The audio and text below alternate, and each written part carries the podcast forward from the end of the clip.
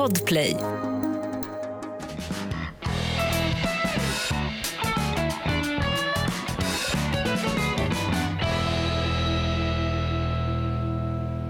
Spelas det här in Lindskov? Det spelas alltså in.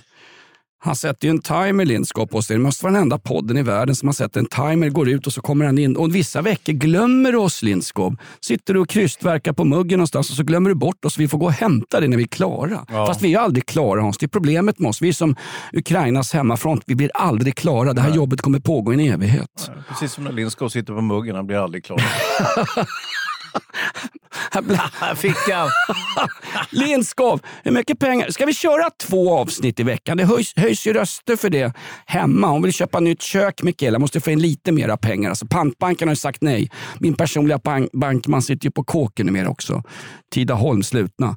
Det här är podden Inaktuellt. Vi pratar om våra kort, tillkortakommanden rent ekonomiskt och sen så Ja, vi, vad är det vi gör Hans? Vi raljerar, tycker till och är framförallt förbaskat jäkla ärliga. Ja, han försöker berätta historier ur våra liv och uh, ur andras liv kanske mest. Men, men Är det Eh, kärringskvaller? den, den som uh, får med kärringskvaller eh, om kamraterna eh, får inte höra ett ord från mig som jag brukar säga. Mm-mm. Citat Palmon Harald Hult. Den enda förebild vi har i den här podden efter Cissi Wallin, Ann Heberlein och eh, Bianca Ingrosso. Ja, Ingrosso. Och Jag tänkte säga Zelinski, men Ingrosso går ju före. Alltså. Det var ju, det är ju kvinnodagen idag. Ja, när vi spelar in nu ja. ja Ja, precis. när vi Mm. spelar in. Och du hade någon topp 100-lista över Sveriges eh, viktigaste kvinnor. Är Det är såklart en kvällsblaska som publicerar detta mitt under brinnande Europakrig. Ja, men det är starka kvinnor på det hela taget. Man har helt bortsett från eh, det som normalt skulle eh, motsatsen, det vill säga svaga kvinnor. Eh, Kvinnor som inte har ett engagemang i hbtqi plus-frågor Ja, alltså- eh, och, och eh, kvinnor som inte har några pengar. Utan det är, det är mer de som har pengar, som är aktivister och som kanske har utfört eh, idrottsbragder också. och som ofta bor i Stockholms innerstad. Varför ska de hyllas för? Är det inte sexbarnsmorsan i Brandbergen som får huka sig ner för att de inte ska skjuta på hennes ungar när de för dem till förskolan för att kunna själv gå iväg till ett 13 timmars pass på Huddinge sjukhus där hon är timanställd och kanske får en delad tjänst och kanske har en 110-120 spänn efter skatt i månaden. Eller i efter EU. Vad, vi- vad, vad är de har på? Är det, är som på Reeperbahn, det är timlön inom vården. Ja. Som vi har här för fan. Ja, fast vi inte ens har en timlön eftersom eh, avsnittet är under en timme. Så Lindskov ser ju till att inte betala alls. Jag vill poängtera också för nytillkomna lyssnare, tittare och eh, folk från Granskningsnämnden för radio, tv och poddsändningar. Lindskov har nu lämnat poddstudion. Vår demonproducent Jonas Lindskov som tjänar in pengarna. Våran Wallenberg alltså. Kvar i studion Hans Wiklund, Jonas Nilsson. Men den här skyttegraven lämnar vi inte Hans. Nej, det gör vi inte. Vi har grävt ner oss ordentligt här. Jag fastnade med fötterna i leran Ja. och vi grävde ner oss med huvudet först. Vem vann den där listan? Säg, säg nu att det var prinsessan Victoria, för jag gillar ju henne. Hon dök ju upp i, i någon uniform i veckan. Hon är ju fantastisk. Hon är ju stringent. Hon funkar ju bättre den här förbannade Hesa Fredrik-larmsignalen som inte var på- påslagen ens i 52 kommuner. Nej. Hur svårt kan det vara? Ring Dan Eliasson, han kan konsulta sig tillbaka till MSB. MSB har alltså Myndigheten för samhällsskydd och beredskap har haft bråda år här måste man ju säga. Det här är alltså en myndighet, en sorts avstjälpningsplats för latmaskar, idioter och, och, och folk som, som, man inte, som man inte kan bli av med på något annat sätt. Man har satt dem på MSB. Där man, man, Eliasson till exempel, han skickades ut från polis, polisen, eh, sattes på MSB för man tänkte nu ska vi bli av med den jäveln. Eh, det gick inte fem sekunder så hade det brutit ut en pandemi. Och det visade sig att vi hade bara gasmaskar och plasthandskar från 40-talet. Och eh, sen efter pandemin, ja då utbröt ett krig i Europa. MSB igen helt handfallna. Vi har ingenting här visade det sig. Och det lilla vi hade, det skickade vi iväg till Ukraina. Eh, som ju är en rekordartat snabb omställning från att vara neutral och inte exportera vapen till krigförande länder. Så gör vi plötsligt det också. Ja, det är sant. MSB, man kan väl säga att det här med att Hesa Fredrik, den här larmsignalen, eller VMA. Mm. Eh, på 80-talet fanns det något som hette VAM, det var vitt ariskt motstånd. Det var, Det var något, något an- annat, det var något ja. annat vi skulle ha varnat folk för. Ja. Eh, numera har det grasserat och, och grott fast i den svenska folksjälen. Fy satan. Eh, ah, måste ta en... Vänta, jag ska, jag ska härma Hesa Fredrik här. Ah! Så där lät det i Malmö i en halvtimme i Ja. sträck. Fast var det där verkligen hälsa frihet? Det lät som Kurt Haijby på ett konfirmationsmöte hos Gustav V, ofta nämnd i den här podden. Ja, lite för ofta är det många som har påtalat. Det och Falklandskriget har nu gjort sitt. Har jag, Jag har hört. inte nämnt Falklandskriget på en hel jävla vecka och så började jag tjata om det där också. Får jag bara säga, när, när pansarkryssaren Belgrano sjönk, Mm. då stod ju Sandy Woodward och log och tog en, alltså det är ganska vidrigt, en, en brittisk då befälhavare, då var han naval officer, va? står och tar en cigarr när han ser ett pan, en kryss, ett, kry- ett, ett, ett pans, pansarkryssaren på sina över ut och Ja, pansarkryssaren på Nej, Tänke, det var ju... vad fan heter Od- det? var ju Stor jävla det båt med massa- Det var ju Odessa, eh, Svarta havet, eh, som nu håller på att falla också vad det, vad det ser ut nu efter den ryska invasionen. Man har ju, Magdalena Andersson har ju nu konstaterat, förutom att hon för tog första platsen på den här kvinnolistan på den internationella kvinnodagen, eh, så, så kunde hon också då till slut eh, avgöra vad som egentligen var en invasion och inte, utan det blev ju en invasion. Det är ganska schysst att nere i Maripol och Sevastopol och eh, ställen där Wagnergruppen har varit och typ firat Jag solsemester. tror du får Alltså, förklara vad Wagnergruppen är för någonting för, för de minnesslöa lyssnarna. Wagner, alltså det är ju Nej, inte Wagner. Kompositören känner jag mycket väl till. Hitlers favoritkompositör kompositör för övrigt, Ja. vilket, vilket ju låg honom lite grann i fatet. Det är ju fantastisk musik. mm, kul när... eh, Men Wagnergruppen, det ryska elitförbandet. Ja, fast jag måste bara dra en historisk Ja, referens här. Berlin föll ju 1945. Alltså. Mm. Det känns som att Kiev kommer hålla ut mycket, mycket längre. Eh, inga jämförelser i övrigt. Får jag bara säga att eh, när Hitler dog så spelade man ju på ryska, tyska riksradion inte Wagner, för det hade Hitler velat. Man spelade Anton Brückners femte symfoni för att liksom jävlas med grisen Hitler. Det sista de gjorde, det tyska folket han hade försökt hänga upp i lyktstolpar. Jag undrar vad man ska spela när Putin tas av daga. Åter till Wagnergruppen. Wagnergruppen då, det är en, en elitstyrka av eh, ryska eh, Legoknektar. Ja, före detta legosoldat som fortfarande är vid god vigör. De är som, eh, de är som Lindskov inne på Handelsbankens kontor när det gäller att rafsa åt sig pengar. De är förbaskat effektiva. Bildades 2013 var det väl, eh, som en specialstyrka som skulle hjälpa eh, ryssarna att... De hette från början, vad hette de från början? Något annat Hans? Ja, men det kan väl göra detsamma. Kan vi inte låta det ligga kvar i dammet bland de andra anteckningarna i historien? Slaviska kåren hette de från Ja. början. Slavico Corps. Och de här kunde man då hyra. Totalt har det funnits 6 000 medlemmar, soldater i Wagnergruppen. Många är utplacerade i olika afrikanska stater där det gäller att hålla blodtörstiga mördare kvar vid makten. Inte bara med Sida-pengar utan även då med ryska vapen. Ja, och svensk hjälp också om man tänker på Mali till exempel. Ja. Ja, vi, vi, nu har vi ju dragit oss tillbaka där. Jag vet inte. Har vi? Ja, Det var är väl snack om det bara. Johan Gustafsson, MC-killen, åkte ju fel. Man kan väl få åka motorcykel genom ett islamistiskt eh, rebellområde? Nej, Gör det, man men kom inte och gnäll till Nej. UD eller Nej, till okej. oss andra. Då får du stå ditt kast. För det slutar på värsta möjliga sätt för den här Johan Gustafsson, MC-turisten. Han hamnar ju, vet du var han hamnar någonstans? Nej. Hos Malou-möte. Åh, ett, ett öde att vara fångad av islamistisk gerilla. Sitta och lyssna på Malou en timme, det är värre än att lyssna på den här satanspodden. Ja, det undrar jag. Wagnergruppen, deras första riktiga motgång det var ju när de skulle eh, rädda oljefält åt grisen Bashir al Assad, Syriens president Mm. som ryssarna har stöttat i alla år. Eh, så det, är inte, en- det är inte en framgångssaga nu när man säger att Wagnergruppen ska in i Ukraina och kidnappa nej. Zelenskyj. Jag vill bara säga, så här, hur, ska de, hur ska han klara sig nu? Ska han åka till Polen? Då ska han söka asyl i Kristianstad? Bla, bla, bla. Vet ni vad?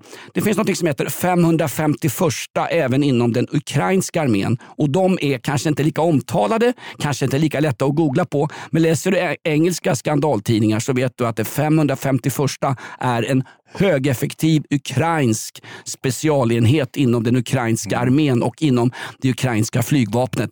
Kom igen, jag vill se Wagner i en, en bare knuckle fight. Wagnergruppen mot 551 Hans. För vi sitter ju bara och tittar på det här kriget. Det är ju ingen ja. som bryr sig. Vi sitter ju fan och tittar på och bokar sommarsemester fast det pågår ett krig. Ja. Ett krig i Europa. Du, nu tillhör ju du kategorin eh, militärt eh, överintresserade personer, eller pensionärer i ditt fall. Eh, En så kallad MÖP. Va? Och, eh, så det här är ju på något sätt, även om det här är hemskt och, och vi tänker ju på det dagligen och man, man liksom, det är väldigt många som blir deprimerade. Det här är mer deprimerande än pandemin till och med tycker jag. Så att det här har verkligen lagt sordin på den här upphämtningen från pandemin. Fast att, allt är ju inte ledsamt Hans. Det finns ju positiva saker. Du hörde väl I om... kriget? Nej, jag tror faktiskt Nej, inte men det. runt om kriget. Nej. Nej. Du, jag träffade ju kungen, jag berättade det. Ja, du, var ju, du stod och gjorde honör till kung Karl den 16. Det är ju riktigt stort. Hans. Som en representant för ganska uttråkiga och tillrättalagda podd-Sverige. Stod ja. du där på, i givakt som en svensk soldat. Var var det här någonstans? Tennsoldat. Alltså jag, jag tar ju dagliga promenader i Hagaparken, eh, den kungliga Hagaparken där kronprinsessan ju bor med sitt gemål och, och sina gulliga barn himla söta barn och eh, lille Oskar, han fyllde ju år här. Han ska ju börja skolan snart. Han är himla gullig. Och så kommer jag ihåg, vi, vi tittade lite grann på prins William, du vet, han, han, kronprinsessans motsvarighet i England.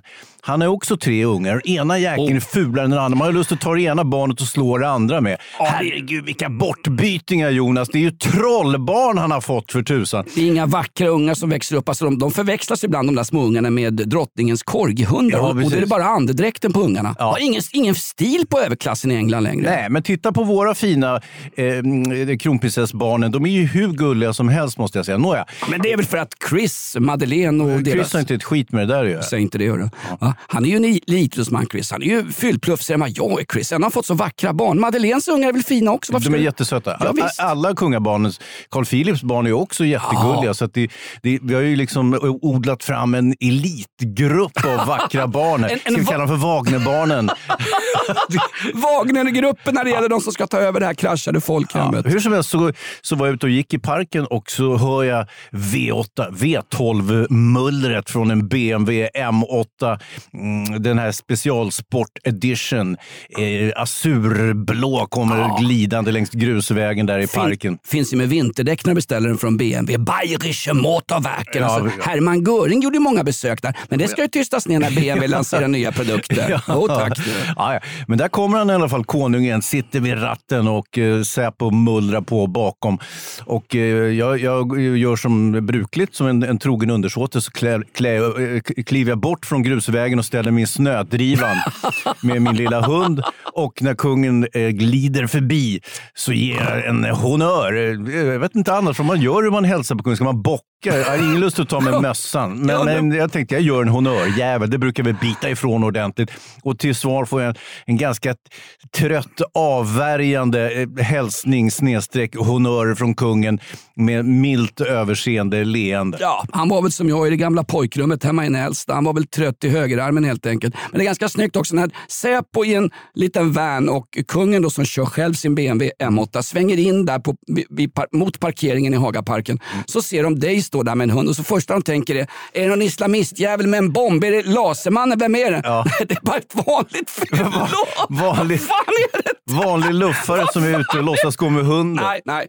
Kissa inte på luffare. Du ska läsa boken Vägen till klockriken. Jag såg Rasmus på luffen. Den tyckte jag var rolig med alla Nedvall och hans lilla moaché. Hans ett osunt förhållande mellan en gammal luffare och en ung pojke. Men det är, det är ju som Gustav V och Kurt Haijby som du ibland nämner i den här podden. Nej, har... jag brukar nämna Falklandskriget faktiskt. Hörru, eh, ja. Rasmus på luffan hette väl gayversionen som finns i, i, nere i kartonger hos gamla obskyra videohandlare. Ja, det finns ju, finns en gayversion och en porrversion av nästan alla filmer. Ja. Vem har till exempel inte sett Alice i Underlandet fast då heter den Alice med underlivet. Mm. Saving Private Ryan, Rädda menige Ryan, den hette i sexversionen Shaving Ryans Privates. Ja. Det är rätt kul. Star Wars hette Star Horse. Ja, men, men, det är, jag tycker det är kul, det är humor ju. Jag vet inte.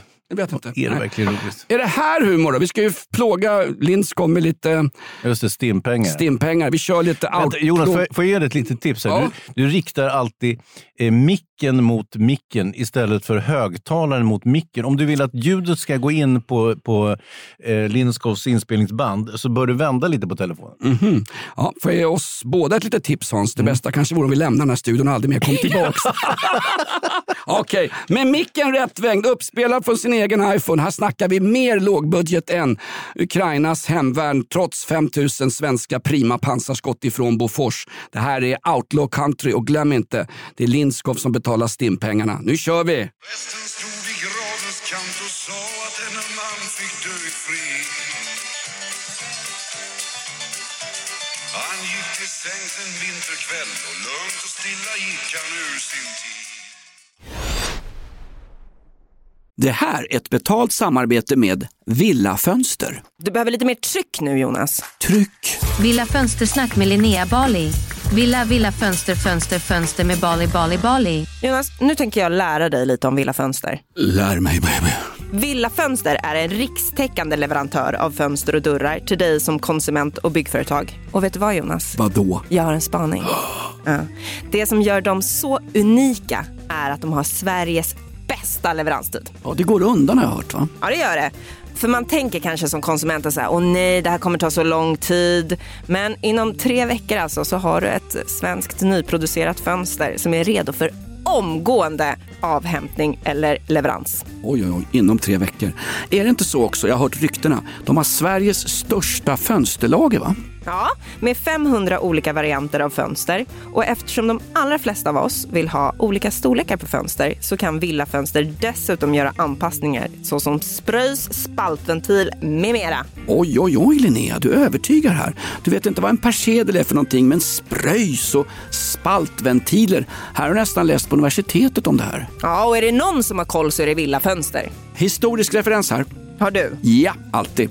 Ända sedan 2008 så har Villa Fönster alltid haft visionen att erbjuda kvalitetsprodukter till rätt pris och kortast möjliga leveranstid. Ja, jag är nöjd Med vad då? med vårt Villa Fönstersnack. Villa Fönstersnack med Linnea Bali. Villa, villa, fönster, fönster, fönster med Bali, Bali, Bali. Tack Villa Fönster. Ett poddtips från Podplay. I fallen jag aldrig glömmer djupdyker Hasse Aro i arbetet bakom några av Sveriges mest uppseendeväckande brottsutredningar. Går vi in med hemlig telefonavlyssning och, och då upplever vi att vi får en total förändring av hans beteende. Vad är det som händer nu? Vem är det som läcker? Och så säger han att jag är kriminell, jag har varit kriminell i hela mitt liv men att mörda ett barn, där går min gräns. Nya säsongen av Fallen jag aldrig glömmer på Podplay. Hans, på tal om det här med otäcka kriget i Ukraina som finns i varenda skvallertidning nu. Hörde du i lördags på, heter det Frihetstorget eller möjligen Fristadstorget i centrala Eskilstuna där det står en, han är inte, han är inte präst, han är inte avkragad, han är värre än så. Han är inte konfirmandledare, han har inte liksom hand om sakristian. och- Bosse. och inte det gamla sura rödvinet man får till chipsoblaterna på nattvarden. Nej, han är biskop i Strängnäs stift.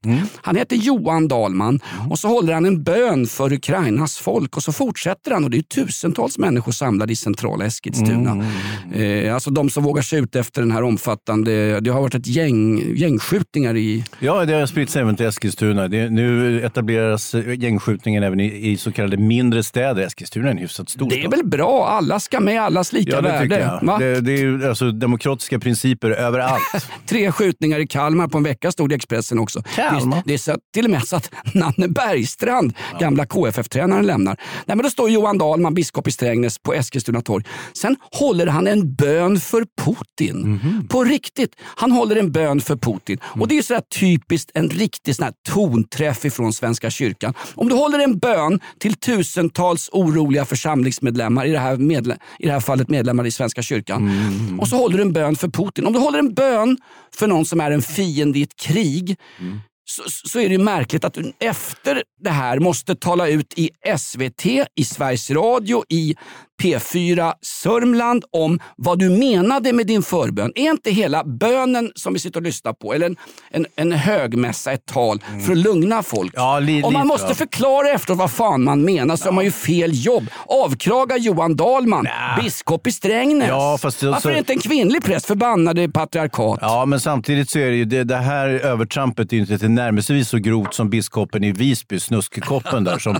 som eh, hade en affär med en kvinna i församlingen. Han flög ju åt helvete och han blev ju faktiskt avkragad också. Så långt tror jag inte man går i, det, i fallet att, att eh, be en förbön för president Putin. Putin som för övrigt sitter på listan över starka män nu. Det är inte bara, vi hade en kvinna över stark, eller listan över starka kvinnor. Eh, så starka män, där toppar ju Putin listan och det är inte samma, det är inte samma sympatier kring en, en starka män-lista som en starka kvinnlista. Har du tänkt på det? Är det, är det, säg inte att det är Christer Björkmans eh, avfällingar i Mello som gör de här listorna också. För jag litar inte en sekund på deras röstningsförfarande. Vad är det för en lista? Är han först på den? Är det Putins egen? Kristi Björkman. Det heter han väl inte? Christer heter han? jag, jag kan avkragas och omskäras på direkten faktiskt. Ja, det ombesörjer jag här. Det var ju snyggt också. Du, snack, du snackade om Mariupol och den här Wagnergruppen som från början hette Moran Security Group. Nu ramlar det in, nu ramlar mynten in Ja, i skallen på det. mig. Exakt. Mm, Eh, Och det var ju ett företag som då man, man kunde hyra som amerikansk eller brittisk eller tysk affärs. Man kunde hyra in det här företaget om man hade problem kanske i gamla tyska Östafrika eller Madagaskar eller vad fan som Ja. helst. Ja, var ju- Du, jag har problem med ett barnkalas här. De har fan ansiktsmålade ungar som slåss bland ballongerna och fiskdammen. Mm. Ring Wagnergruppen. Det är svindyrt men vi får jobbet gjort. Klassiskt. Va? Nej, men den här, de här evakueringsvägarna, de Mm. humanitära korridorerna som då ryssarna har sagt att eh, civilbefolkningen kan lämna i. Mm. De korridorerna går ju till då eh, Ryssland eller till Vitryssland. Ja, det är det som är det dumma med Ja, det tycker du? Ja, man hade ju föredragit korridorer till Polen, Ungern eh, och de mer vä- vänligt sinnade länderna. Så Eller ra- rakt in i den svenska Ja, socialtjänsten varit via. Migrationsverket. Det gjorde vi 2015. Ja. Bara, perfekt. Ja, det behöver inte ens gå via Migrationsverket utan det är bara att öppna famnen här igen, ungefär som 2015.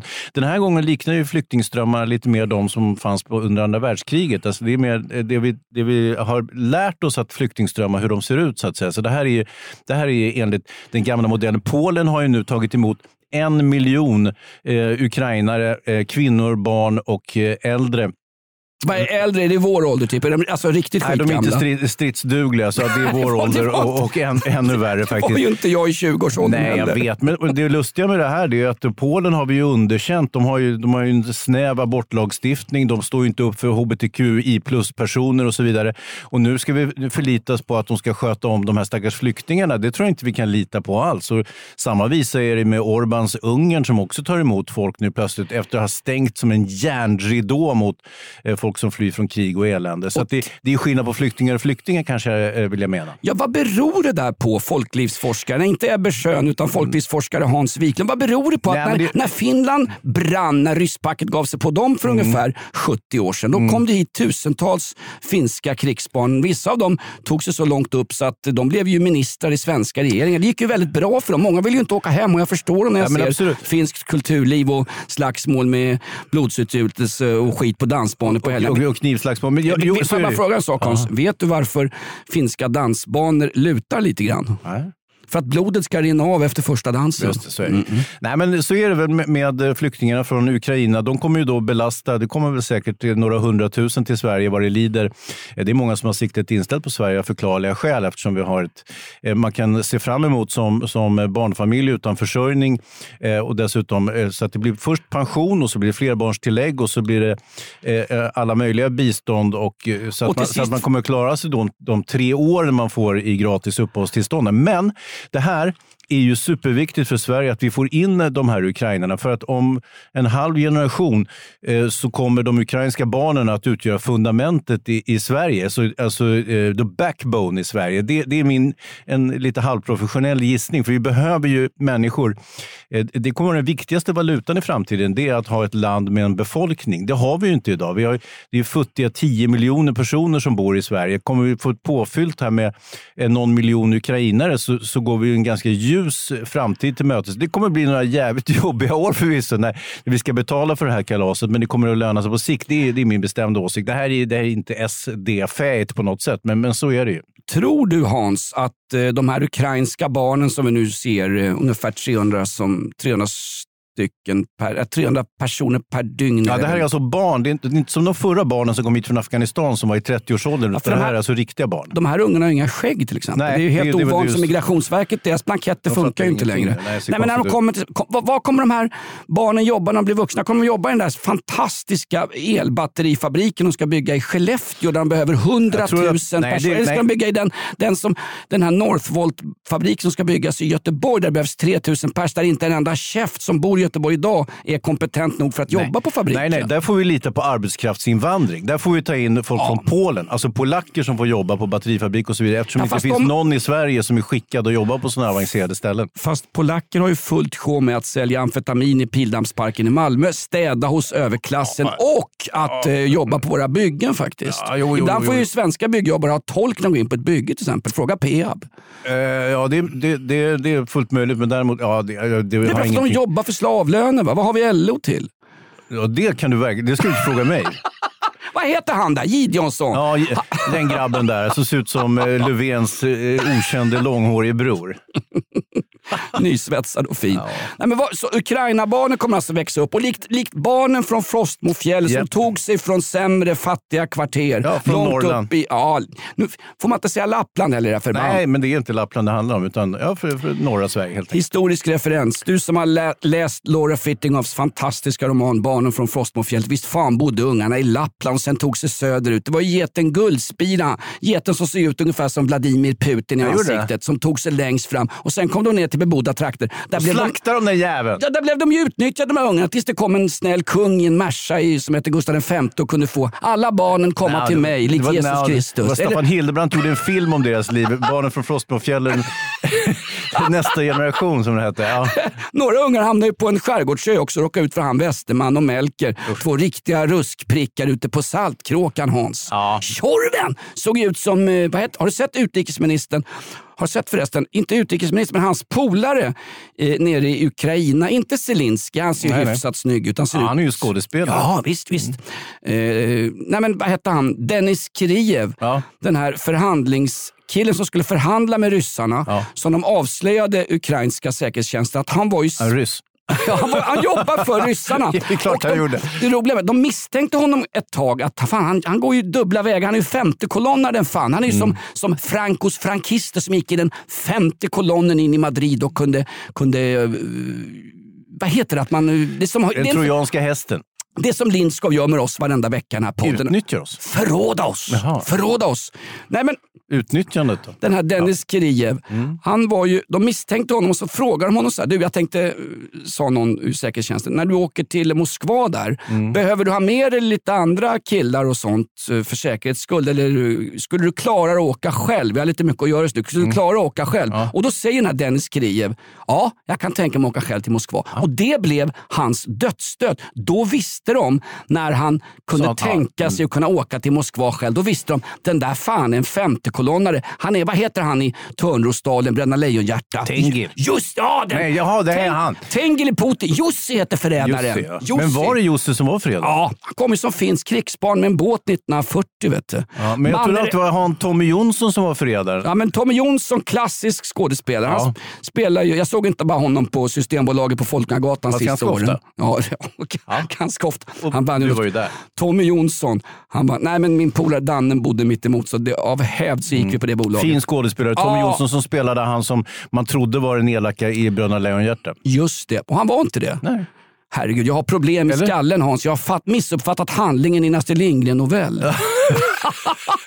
Nej men Tommy Jonsson, Och då hade hon ändå, Astrid Lindgren ändå snott hela Bröderna Lejonhjärta från något annat litterärt verk. Så att jag, jag kunde ju historien redan innan jag läste Bröderna Lejonhjärta. Bröderna Lejonhjärta bygger från början på en persisk folksaga. Men får man inte säga i landet där Astrid Lindgren eh, kommer i, först upp på topp 100-listan starka kvinnor varje år som det är kvinnodag. Ja, nu vet jag inte om hon hann Tom- med. Hon är ju, Tommy Jonsson, bara som en passus. Tommy Ja. Jonsson var en fantastisk skådis. Han eh, jobbade på Stockholms stadsteater. Sen blev han frilans efter man inte kunde hålla tiderna. Mm. Och Sen så fick han något fantastiskt fint kulturpris. Och Då sa Tommy Jonsson i en klassisk eh, Dagens Nyheter-krönika eh, på kulturdelen så sa han att ja, de här pengarna ska jag använda för att åka ner till vad var det, Italien och, och lära mig Skapa. Nej, men en sån här Dario Fo, och sånt där Ja, supervänsterprojekt. Där får vi Ja. Spanien ändå. Men, eller, nej, det är Italien. Ja, tack. ursäkta mig. Ja. Ja. Ja, jag kan tre grejer i livet. Ja, är. Falklandskriget, Spanien, Teater. Italien. Ja, och så vilka låtar de spelade när Hitler dog. Det var ju Brückner, vet det var inte Wagner. Ja, du Ville jävlas med Hitler. Ja. Så här var det. Bara, Ja, du jag säga så. jag Ja. tänker inte släppa Tommy Jonsson. Nej, nej, nej. Det roliga var att han skulle åka ner till Italien berättade och studera Dario Fo. Det var väl han och den här vet Björn Granat som var sån här Dario Ja, Fo. De, de pumpade i en vänsterretorik i den svenska teatern och förstörde den i mångt och mycket. De borde avkraga så här postumt bägge två faktiskt. Då sa Tommy Jonsson, det var så att han skulle åka ner omedelbart till Italien för att fördjupa sig i Dario Fo, den italienska eh, pantomimteatern, bla bla bla. Mm. Problemet var att en vecka senare såg jag honom, jag och Danne såg honom komma cyklande med breddfyllda bolagskassar på en cykel, vingligt som fan längs med Folkungagatan på väg mot Björns trädgård. Han köpte dricka för pengarna. De krökade upp stipendiet. Inget fel i det! Nej, Tommy, Jonsson, nej, nej. Tommy Jonsson var också första älskare i, nu är det filmhistoria Hans, Mm. i Saltkråkan. Malin som var mitt första egentligen onaniobjekt efter Dala Dahlqvist i AIK. Malin på Saltkråkan var ju Ja. kär i Tommy Jonsson. Han spelade första älskare på den Ja, tiden. de fick ju också ett konstigt barn, va? Den här, vad heter hon, Ruskprick? Nej, Skrollan. Vi- Visst förstår jag. Och det, Malin var ju bara på besök några, några par dagar inne i Stockholms innerstad från Skärgårdsön och så var där, Tommy Jonsson där smällde på henne och så kom det här otäcka barnet, Malins lilla Skrollan. Farbror Melker, vet du vad? Hemma på vår gata i stan där är det gängkriminella och en farbror som heter Ali Khan som hotar alla som har frisersalonger och tobaksaffärer. Vad tänker du åt det farbror Melker? Skrollan var ju vidrig. I nyinspelningen av Saltkråkan kom ju Skrollan vara en hbtq-person och heta Fjollan. Det skål på det det var det. Tack. Poddtips från Podplay. I podden Något Kaiko garanterar östgötarna Brutti och jag, Davva, dig en stor dos skratt. Där följer jag pladask för köttätandet igen. Man är lite som en jävla vampyr. Man har fått lite blodsmak och då måste man ha mer. Udda spaningar, fängslande anekdoter och en och annan arg rant. Jag måste ha mitt kaffe på morgonen för annars är jag ingen trevlig människa. Då är du ingen trevlig människa, punkt. Något Kaiko, hör du på Podplay. Därför är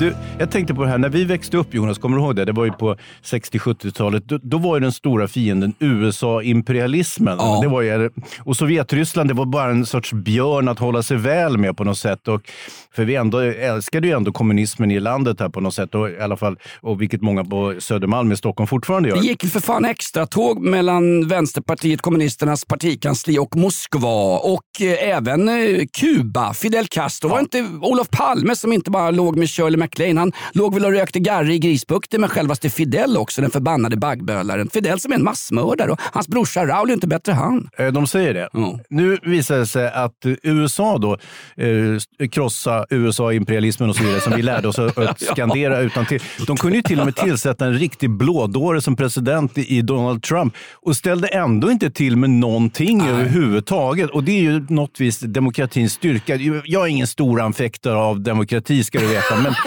det, är ganska väl fungerande när en dåre bestämmer, eller hur? Jag är ingen stor försvarare av demokratin. Hans, jag säger som Charles de Gaulle inför massorna i Paris. Alla bonheur! Ja. Jag köper det Hans. Det är fan med det bästa du har sagt på över en timme. Det? Ja. Men vadå? Men det är ju ett, det är ju ett sinnrikt system det där med demokrati, att man liksom pytsar ut makten på lite flera personer så att några kan sätta krokben för några andra. så att säga. Det är ju, det är ju själva eh, premissen. En del säger att demokrati är någonting där, man, där hälften av folket utser den andra hälften som får bestämma över den första hälften. Så att säga. Det, det, och, det, och det är väl en, en enkel omskrivning kanske. Sandy Woodward, befälhavaren i Falklandskriget, har väl en gång sagt när han fick en politisk karriär. Demokrati är det minst dåliga av alla dåliga samhällssystem. För det finns inget utopia, Nej. det finns inget optimalt samhällssystem. Inte ens Ann Heberland och Cissi Wallin skulle kunna fixa något sånt om de fick helt fria händer. Nej. Inte ens Dan Eliasson skulle kunna fixa det. Problemet med... med eh, Dan Eliasson, alltså han på MSB, Myndigheten för sol och bad. Han blev påkommen nere i Spanien och stod och groggade med unga killar på balkongen. Oj, men det där med unga killar, det där vet jag inte var det har fått ifrån faktiskt. Men ja, det var ju killar, men unga vet jag Det var ju inte. för fan i skrollans ålder på Saltkråkan. du? De ju knappt könsmogna grabbarna. men- vet du. Såg ut som lemurer. Fast det var, ju, det var ju hans son. Bara en sån sak är olaglig. Ja, ja. Nej, man måste, Varje man gång måste ju kunna, ja, man måste ju kunna åka på semester med sin grabb utan att bli gnäll från, Jo, från fast inte, poddvänstern. fast, in, fast inte under en brinnande pandemi. när man är myndighet. Brinna, det kunde inte han man att det är- skulle börja brinna heller. Är fan mitt under pandemin. Jag har uppmanat andra att ha munskydd på sig och dricka handsprit i kaffe. Står han själv och dricker någon eh, Singoalla Raspberry Collins. Ja, åker vi som frivilliga till Ukraina eller hur blir det Jonas? Eller måste vi sköta saker på hemmaplan så länge? Ingen aning faktiskt Hans. Men om det blev ett call-up, om det blev en mobilisering i Sverige, Mm. då skulle du sticka ut till ditt älskade ja, Sjösala som Evert Taube hade. Du har ju en tillflyktsort Hans. Ja, det har jag ju. Där, där jag kan gräva ner mig själv. Och jag har ju lagt sandsäckar runt på tomten och så vidare och eh, öppnat vapenskåpet på eh, vid gavel. Så att jag är redo så att säga. Jag tänker inte låta ryssarna begå rysshärjningarna som de gjorde 1708 när de, när de kom in med eh, eh, lätt, lätta, eh, lätta fartyg, eh, rodd, roddbåtar och stormade in över Baggensstäket och ställde till med en jävla massa elände. Det, ska, det kommer de inte lyckas med den här gången, för nu kommer de att stöta på patrull förstår du. Ja. Fan vad jag känner mig uppstudsig när jag sitter här på vad är det, 60 mils avstånd från den ukrainska gränsen. Är det 60 mil också? Har de flyttat hit skiten också? ja.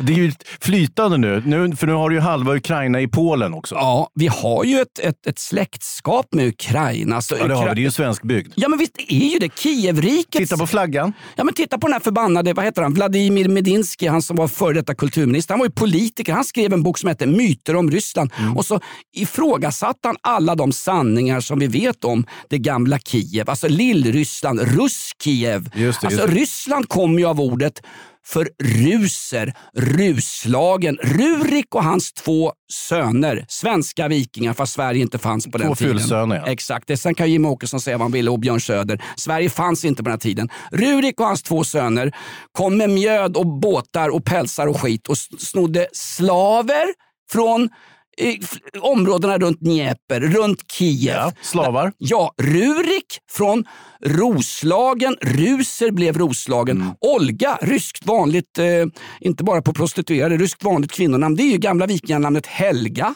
Vladimir är ju det svenska namnet, vikinganamnet Valdemar. Mhm. Piotr är Per. Allting. Det är ju svenskt område i Ukraina. Det är därför vi känner Snart säger jag väl att det är vårt fel att det är krig i Ukraina. Det är alltid vårt fel. Det är de Ja, det är det. svenska männens fel. Bensinprishöjningar därför att det är så många avsnitt i Mello och därför att Vasaloppet nästan gloppade bort. Men varför alltid... i hela skogen skickade Petter Hultqvist, din nemesis och Magdalena Andersson eh, 5 000 pansarskott till en krigförande nation? Var inte det jävligt onödigt? Det som kommer att hända eh, är ju, precis som jag var inne på i förra poddavsnittet, det är att de här kommer ju hamna på drift i Ukraina, för de delas ju ut till både kreti och pleti som anser att de ska strida mot ryssar. De kommer ju knycka de här pansarskotten, dyka upp i våra svenska utsatta områden och så kommer de att köra upp de här plaströren och fyra av ett, eh, ett pansarskott rakt upp i prutten på oss svenskar. Förstår du? Det är precis vad som kommer att hända. Ja, jag vet. Du lanserade den teorin sist och den har ju faktiskt både... Har det redan hänt? Nej.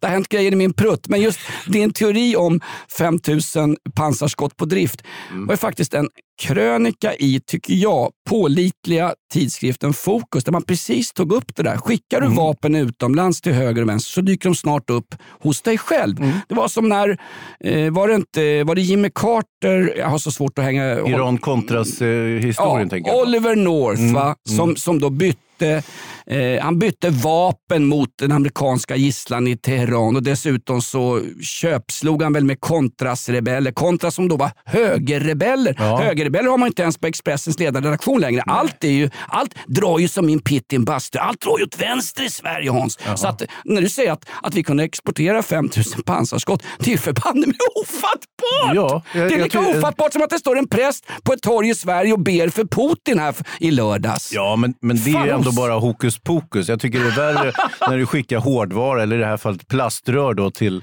eh, till ett krigförande land. Varför skulle vi lägga oss i det där? Jätteonödigt kan jag tycka. Ja, men det är ju ett, det är ett försvar för folkrätten Hans. En fri demokrati. Vad var det Mannerheim sa? Nu är det Mandelmann menar du? Mandelmann, alltså befälhavaren i Finland Mm. 1939 till 1944. Skolad, vill jag poängtera, skolad i den ryska ja. tsararmén. Jajamän, Så han visste ju hur ryssarna fungerar. Vet du. Han och Tjukov, de var ju, de var ju, det var ju samma skrot och Ja, korn visst, så att säga. visst. Två riktigt bra befälhavare under andra världskriget. Bättre än Rommel och de här andra. Montgomery. Löjrommel, kaviargeneralen. Nej men han Mannerheim, eller Mandelmann som du kallar honom. Han har ju ett jävligt populärt program, program nu i TV4. Hans fru, hon ska ju kastas runt och förnedras, inte i Farmen men i det här som är ännu värre, Let's Dance. Hon som kallas för morsi. Ja, det är väl konstigt. Det är ju tyska för, Tysk, alltså... för mjukdelen mellan där benen möter resten av kroppen. Ja, alltså jag vet inte exakt vad ni kallar där hemma, men i England säger man ju lady point. Eller i Tyskland säger man ju morsi, det är den, den kvinnliga könsdelen. Hur fan kan han kalla sin fru för morsi Mandelmann? Ja, men han är ju psykiskt sjuk. Det Ja, har du det är kanske ju- sett. Han har ju redan berättat i tidningen. Han har ju sagt någonting som vi många har anat när vi har tittat på programmet. Att han inte är riktigt som han ska, så att säga. Men Och jag är det också- jag är du, är också- också, du lider av Jag är samma. också bipolär, men jag kallar inte min flickvän för mors. Jag har ju massa andra invektiv. Perspektiv om henne. Ja, det har ju. Det har ingen av dem går ju att publicera i vare sig ljudmedia eller någon annanstans. Men där får du ju ge Mandelmann att han säger det ändå på bästa sändningstid. Alltså att han vidgår att han är tokig kallat sin... som han hette tidigare, Mannerheim, han sa en gång ja nu, nu smäller det när ryssen kommer. Nästa gång Sverige, Norge, Danmark, då är det fan ni som det smäller för. Hade han ju tokfel. Det var ju Hitler som med sina blodtörstiga SS-män gav sig på både Norge och Danmark. Vi stod i mitten och var neutrala och nu kan man ju fortfarande läsa i krönikor i kvällstidningarna. Ja, jag tycker inte vi ska exportera vapen. Vi ska förbli neutrala i en Ja. eventuell storkonflikt. Problemet med att vara neutral Hans, det är inte du själv längre som väljer om du är neutral. Det gör omringande stormakter. Och jag tror inte en sekund på att vi kan vara neutrala. Jag är inte för ett neutralt, eller jag är inte för ett NATO-medlemskap, inte på något vis. Men jag är för att Peter Hultqvist får på sig en kostym som har ett, rätt storlek, har en annan nyans än den här gråa skiten han åker runt och gör bort sig med EU-parlamentet. Och tre, att vi stärker försvaret Ja, att han dessutom tar bort den här kommunist-röda rosen på sitt kavajslag istället för en svensk flagga. Det är väl det minsta man kan begära. Köttrosen eh, kallades, ju, Morsi. Ja, kallades ju Gustav V på den tiden. Mm. Innan han blev som frivillig som liten pojke i Falklandskriget 1982 till 1983. Du, apropå Mannerheim, den finske befälhavaren under andra världskriget. Ja, nej, men det är ingen fara. Mannerheim. Eh, undrar om inte vi ska gå avrunda dagens sändning genom att gå på eh, vårt smörbrödställe på Skeppsbron, Oh. ganska nära eh, Kungliga slottet. Där ligger eh, matrosen och Jenny där. Hon kan ju hälla upp eh, bättre än Mannerheims kallfaktor när hon slår för eh, eh, nubben i glaset. Hon, gör, hon häller på bekymmerslöst och så blir det som en bubbla av ytspänning eh, mm, på snapsglas. Det dracks ju re- rejält. Alltså det finns ju fotografier då som ska tystas ner i finsk media i Helsingin, Saijonmat. Eh, eh, där Mannerheim rider runt dyngrak på en vit häst Mm. bakom fronten under så kallade fylleslag. Och du hade ju en, vad nu sa han, Karl fick ju, fick ju jobbet hos ja. Mannerheim under, första, under inledningen av vinterkriget av Ja, en precis. enda anledning. Ja, och det var att han kunde slå upp en, en snaps i ett glas och behålla ytspänningen. Och då ska du veta att då slog det ner granater vid sidan om tältet så att allting skakade. Men kallfaktorn var ju så säker på hand va, så att han klarade av det där. Och då fick han jobbet som,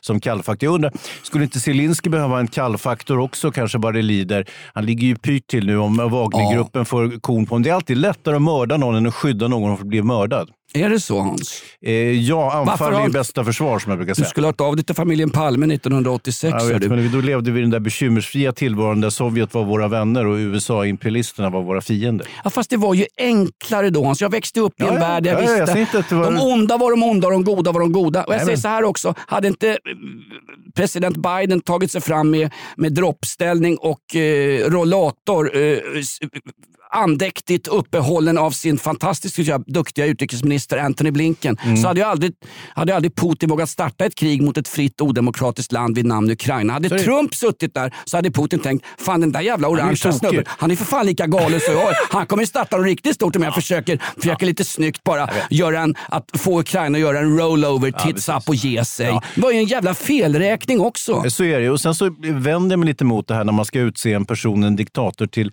galen. Det handlar ju aldrig om galenskap. Man sa alltid att eh, Idi Amin är galen, Hitler var galen och så vidare. Det var ju inte det. Utan ju- Håkan det är Juholt- väldigt- Håkan Juholt var ju galen. Han var ja. Okej, Håkan Juholt absolut. Men de Ja. andra som jag Ja. rabblade upp. Nixon och så vidare. Nej, de, var inte, de är inte galna. Utan det handlar om makt. En person som får tillräckligt mycket makt. Vi lever i förvissningen att en person med makt aldrig kommer att utnyttja det faktum att han har all den där makten. Men säkert som amen i kyrkan kommer personen att, ut, äh, att utöva precis all den makt han har vid ett givet tillfälle. Alltid. All makt korrumperar. Ett klassiskt citat av Sigrid Combüchen, en författare som återkommer lika ofta. Sigrid Combüchen var ju namnet på den kryssare som gick under vid Falklandskriget. Nej, du säger väl snart att Bosse Hansson, gamla sportankare, var befälhavare på det. Det var ju prins Andrew. Han som hade argentinernas torkade öron som hade skurit av i ett halsband som han hade fått utav Gurkhas, elitstyrkan som, som britterna hade kidnappat från hemlandet i Indien, Pakistan. Snacka om kulturell appropriering, att använda gurkas vid Falklandskriget. Falklandskriget. Ja. Men det du säger där Hans, det är något väldigt, väldigt viktigt. All makt korrumperar och Putin, han lever inte i våran värld. Vi har för svårt att förstå honom. Vi säger så här, Putin har tappat det. Han är som Lindskog. Han har inte tappat det. Han vet precis vad fan han gör för någonting. Ju förr du förstår det, desto bättre, käre svensk. Han är ryss och han hävdar att Ukraina är moder Ryssland. Ur-Kiev är det första egentliga Ryssland. Alltså, även om han har tokfel därför att ända fram till 1654 Det var det Sverige! Nej, men Nej, nej. det vi kallar Jag idag hoppar lite ut i geopolitiken. Det vi kallar idag Ukraina tillhörde Polen så långt så fram till 1654. Men Putin har ju den världsbilden att han, han tror att han, hans historiska arv, hans imperiesjäl säger till honom du måste återerövra Ukraina annars Mm. får du ett nytt sovjetiskt, i det här fallet ryskt sönderfall. Där NATO, han är inte rädd för NATO, han är rädd för att bli ihågkommen som den ryske ledare likt eh, Som Khrushchev, som Stalin, Mm. som eh, Menejev, som Lenin, som... Vem, vilka mer, Peter den store. Vilka mer... Exakt! Exakt! Ja. Vilka mer satans massmördare har vi i historien? Ja, du, Juholt har du nämnt. Fan, han är som... jag- Peter den store. Alltså, Nej, så, Juholt. Juholt. Usch, sitter inte han inne förresten? jo, i stort sett. Krigsbrott, Han folkmord. är, han är ambassadör i Sydafrika. Just det är det. ungefär som att sitta inne faktiskt. Ja. Ska vi gå ut på något Han är trevligt? chef för Sun City nu. De har ju skockat liv i den där nöjesparken i Sydafrika. Fantastiskt. Ja, där Ja. går vi ut på något trevligt Jonas. Nu räcker det med krig och elände. Jag blir så jävla trött på det här. Verkligen. Eh, länge leve den fria världen, Jajamän. länge leve yttrandefriheten, länge leve Jonas Lindskovs pensionsförsäkring och länge leve drömmen också. Och drömmen om att den lilla fågeln uppe på himlen, Duvan. La Paloma Blanca, är en hoppets fågel, en fredens fågel. Jag säger som Mannerheim, finnar ska ni inte tjafsa med. Det går ut på lite Ryssjävlar! finsk rock!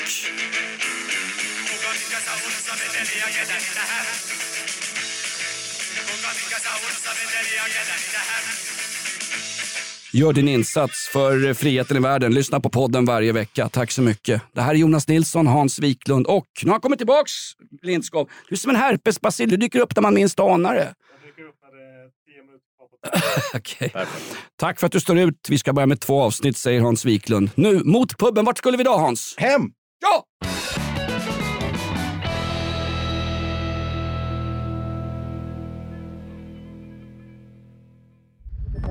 Podplay, en del av Power Media. Ett poddtips från Podplay. I fallen jag aldrig glömmer djupdyker Hasse Aro i arbetet bakom några av Sveriges mest uppseendeväckande brottsutredningar. Går vi in med hemlig telefonavlyssning och, och då upplever vi att vi får en total förändring av hans beteende. Vad är det som händer nu? Vem är det som läcker? Och så säger han att jag är kriminell, jag har varit kriminell i hela mitt liv men att mörda ett barn, där går min gräns. Nya säsongen av Fallen jag aldrig glömmer på Podplay.